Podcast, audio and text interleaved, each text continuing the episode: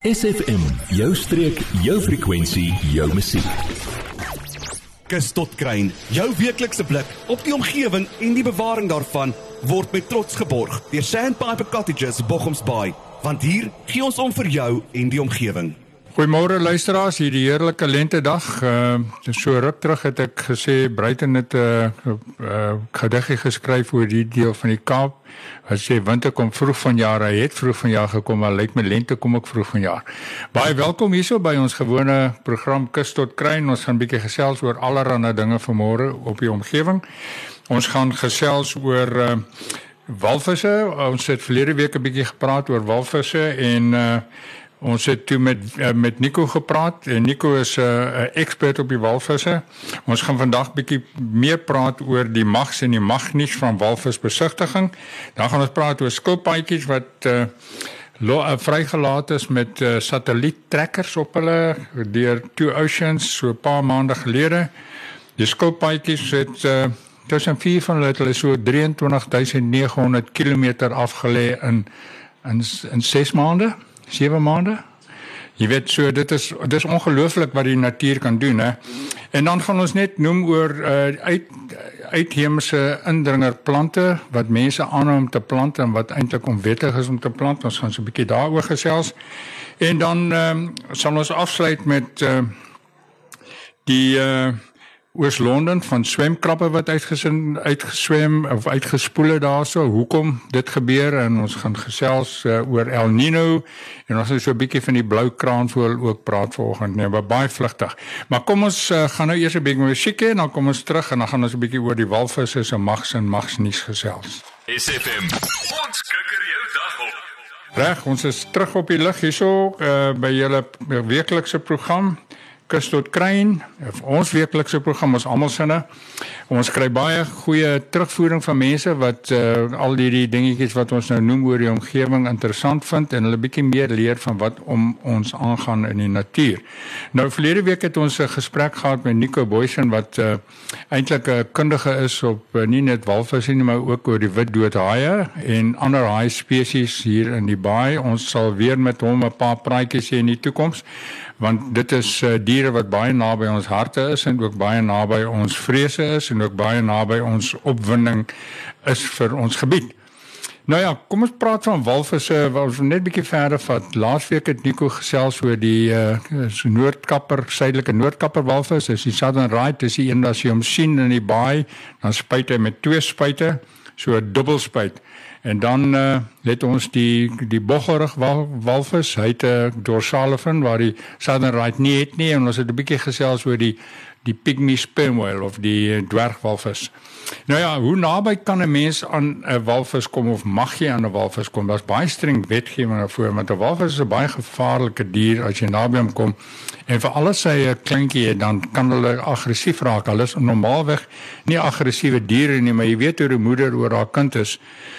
As 'n moeder so oor 'n kind voel, 'n mens moeder so raak kind voel en voel 'n walvis me, ek uh, ook net so oor hulle kind. nou daar is in in Mosselbaai, ek dink is daar twee bote wat gelisensieer is om walvis te gaan kyk. Hulle word streng deur wetgewing beheer en hulle mag tot 50 meter van 'n walvis afkom. Maar hulle hulle is baie versigtig en hulle is onder baie streng voorwaardes dat hulle dit nakom.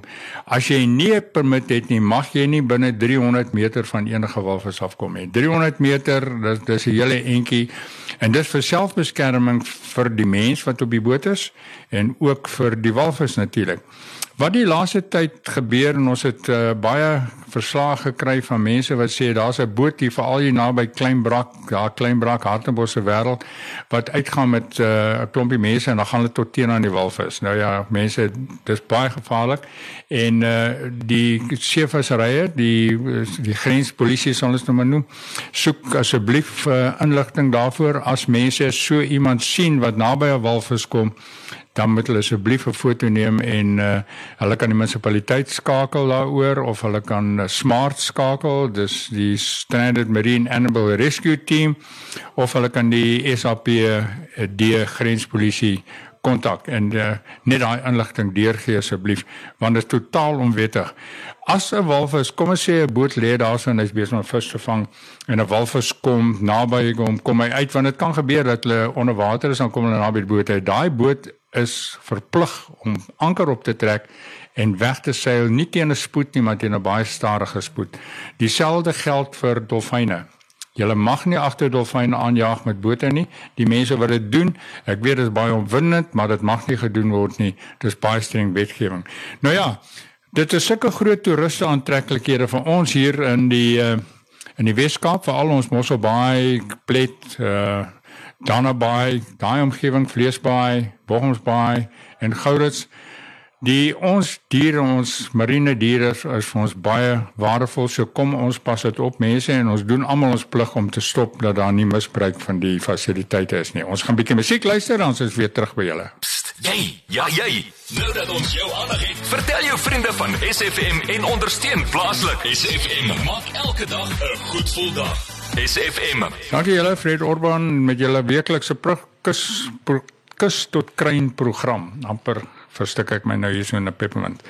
Ehm um, baie welkom weer terug by ons. Ons gaan nou 'n bietjie praat oor die Turtle Conservation Centrum. Dit is die klein skoppaadjies uh dis 'n bewaringsorganisasie wat hoofsaaklik beheer word deur die Two Oceans Aquarium.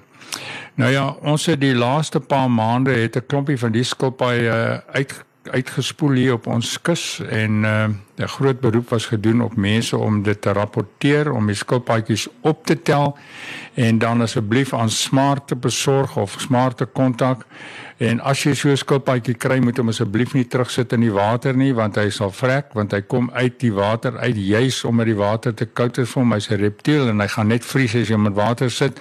So jy kan hom maar net in 'n boks sit en uh miskien selfs 'n lappie onder in die boks net om hom bietjie rustig te hou en kontak dan vir Smart of vir uh departement seevissery, maar Smart is eintlik 'n baie goeie kanaal om dit te doen. Nou die twee Oceans Aquarium met ons in kennis gestel dat hulle het nou vier skilpaadjies wat hulle gerehabiliteer het en dan met satelliet uh, aanwysers, trekkers wat uh, ek is nou nie seker wat mense dit noem nie, maar in 'n geval ons almal weet wat dit is, die satelliet op die dop, hulle maak hom op die dop vas. Daai vier skilpaadjies, die een se naam is Bob, die ander se naam is Turbo, dan ons Litchi en Pan. PAN. Dit is die vier skilpaadjies. Nou tussen die vier skilpaadjies wat ongeveer so 6, 7 maande gelede vrygelaat is nadat hulle gerehabiliteer is, hulle het uitgespoel dat hulle toe oceans toe gevat, hulle hulle maak hulle bietjie sterker, eh, word 'n bietjie groter en hulle sit hulle vat hulle terug in die seestrome in. Tussen die vier het hulle nou so 23000 km ge, gevaar. Hoofsaaklik op die Weskus want hulle want die Weskus is baie ryk aan uh, aan kos, aan aan voedsel. So dis 'n baie uh, belangrike area vir hulle daai Weskus. Hulle hulle gaan daar rond, hulle swem rond en uh, hulle word dopgehou en ons gaan van tyd tot tyd vir luisteraars inlig hoe gaan dit met Bob Pan Turbo en Litchi se reise om die wêreld want uh, hierdie skilpaadjies word gewoonlik gebore hierso op die noordkus van Natal en dan so 4 jaar later land hulle weer terug daar die normale en dan sal hulle bietjie groter en dan kry hulle hulle kleintjies en so aan. So ons gaan uh, nog baie die skilpaaie is baie in ons uh, fokus. Ons gaan baie daaroor praat. Ons gaan nou eers weer 'n bietjie luister na lekker rustige musiek op hierdie lente dag en dan kom ons terug en praat ons 'n bietjie oor indringerplante. Word deel van ons Facebookblad vandag nog facebook.com skuinstreepie sfm streek. Right, ons is terug hier so op ons program Kus tot Kruin weekliks 11:30 op 'n donderdag hier van SFM se uh, ateljee af, hierdie pragtige ateljee wat so uitkyk op die hawe en dis vandag weer een van daai wonderlike dae. Jammer om dit nou te sê, maar dit lyk of die lente vroeg kom vir jaar. Ons gaan dit nou in ons laaste inset bespreek. Nie nou nie, maar so oor 'n paar minute dan gaan ons bietjie praat oor die effek van El Niño. Maar uh, ons wil nou net bietjie vinnig praat oor indringerplante. Ons praat dikwels oor indringerplante. Nou mense wanneer hulle hiernatoe verhuis van ander plekke af soos uh, ons sê amper Transvaal, is dit nou Gauteng of wat is dit of Vrystaat of waar ook al is, hulle het hulle gunsteling plante daar. Hulle het hulle in hulle het hulle broodbome en hulle die gunsteling plante. Nou bring hulle hom hierso. Nou is hulle baie verbaas dat die plaaslike uh, uh omstandighede die plaaslike natuurfaktore hier soos soos eisevark en so aan is baie lief vir daai goed en hulle hou daarvan om hulle te eet.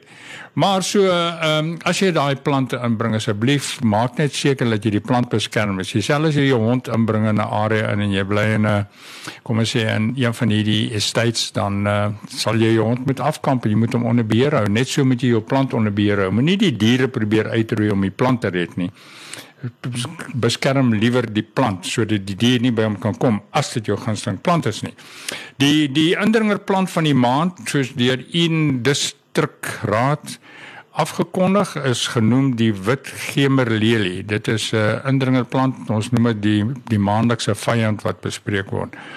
Dis 'n plant wat lyk soos 'n kanna. Ons het 'n paar weke terug bietjie gepraat oor die kanna wat ook uitheems is en wat 'n indringerplant is en asseblief mag nie geplant word nie. Toevallig vanmôre toe gaan ek by 'n koffieplekie hier so Mosselbaai en 'n ou is besig om van hierdie uh, uh kannaplante te plant. Toe sê hy, "Jy moet nie kannaplante plant nie. Gelukkig is daar 'n baie goed gunstige boer wat ek baie goed ken van die omgewing en hy sê nee, wat jy moet nie dit plant nie. Haal daai goed uit. Ek sal vir jou 'n uh, King Protea of twee bring of miskien 'n wit stinkhoutboom." Dan plant ons liewer daai goed daarso. Dit vat 'n bietjie langer, maar maar dit alles taamlik van 'n groeiend en dis inheems en dit voeder nie die uh, biodiversiteit van die area op nie. Asseblief die die wit gemerlelie lyk soos 'n kanna. Hy hy kan tot 2 meter hoog word. Hy's helder groen, hy't pragtige blomme, wit, rooi en geel blomme en dis amper soos 'n ryker wat uh, uit 'n stingel en dan kom die blommetjies so uit op die stingel. Moet hom nie plant nie asseblief. Plant liewer iets wat inheems is. As jy kyk hoe die Weskus blomme op die Weskus hoort en jy kyk hoe die uh, die ons proteas ag ons ja ons proteas in hierdie area as ook ons uh, alwyne en ons inheemse plante hoe mooi hulle kan blom en hulle blom die hele tyd deur. Kyk dan na mense en kom ons bly inheems want ons is op die tuinroete. Kom ons hou die tuin ons tuin. Ons sit nie 'n ander tuin nie. Okay, baie dankie. Ons gaan nou ons laaste insit bietjie gesels net so vlugtig oor El Niño en oor blou kraanvoëls. SFM, die gevoel van die Suid-Kaap. Reg, ons laaste inset vir hierdie pragtige donderdag uh dan gaan ek 'n bietjie buite toe en, en hierdie lekker lente weer rondloop. Ons gaan nou gesels oor uh die uh, krappe, swemkrappe wat by uh Oos-London uitgespoel het. Ek het op sosiale media het iemand vir my bewus gemaak daarvan, iemand wat in Oos-London bly wat uh wat 'n gereelde luisteraar is ook. Uh, ons het luisteraars reg oor die wêreld. Moet bekommerd wees daaroor nie as mense wat ons luister in Kanada en in Oostenryk en in uh Oslo en en en Denemarke en in Amerika en in Australië. So ons is internasionaal vir oud Suid-Afrikaners is ons altyd hier so beskikbaar. Nou ja, Uh die krappe het uitgespoel as honderde van hulle het uitgespoel by ons Londen op een van die strande daarso. Nou vra mense vrae wat is wat hoekom spoel daai goed uit? Jy weet dit is amper soos walvisse wat ook uitswem, maar ek dink hier's 'n ander rede daarvoor. Dit kan die die oorsake kan gewoonlik wees seestrome wat skielik koud word uh, en dan koel die water te vinnig af en dan dan dan soort van vries hierdie goed en dis nie natuurlik vir hulle nie, dan spoel hulle uit. Dit kan besoedeling wees. Jy weet as daar te veel rioolbesoedeling is, dan is daar rooi gety, rooi gety is giftig en dit maak die goed ook siek. Dit kan oorpopulasie wees dat daar te veel krappe is vir die kos wat daar beskikbaar is omdat die die kos wat hulle gewoonlik op eet dalk vernietig is, miskien deur visnette of deur natuurlike oorsake, partykeer onnatuurlike oorsake ook. Dan uh, om af te sluit gaan ons net 'n paar uh, dingetjies wat Frans nou soek in 'n maandelikse nuusbrief stuur, het ons nou uh, net bietjie daaroor praat. Hulle het on, uh, Frans nou soek bewarias uh, veldwagters het 'n gereelde watervol opname een keer per jaar. Uh, dis 'n moderne uh, ek bedoel 'n wêreldwye organisasie wat die opnames van uh, watervoëls uh, navors en uh, hulle het tellings gedoen by voëlvlei dit is daar naby Johnson's Post uh, net so bo kan die laagwaterbrug van die Gourits uh, waar hulle baie voëls gekry het. Uh, daar was ook flaminke die groter flamink die kleiner flamink. En jy weet toevallig genoeg was so 'n paar weke terug die eerste keer vir baie jare was daar flaminke by vleesbaai in die see gewees.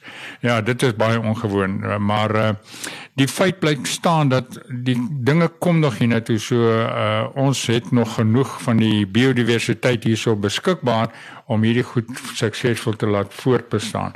Dan El Nino Wat uh, El Nino beteken eintlik 'n uh, klein seentjie, dis Spaans vir klein seentjie. Uh, dit is 'n uh, fenomena wat uh, veroorsaak word deur Atlantiese Oseaan, verwarming, koue strome wat die hele wêreld se klimaat verander en hulle verwag daar droogtes so binne 'n jaar van nou af.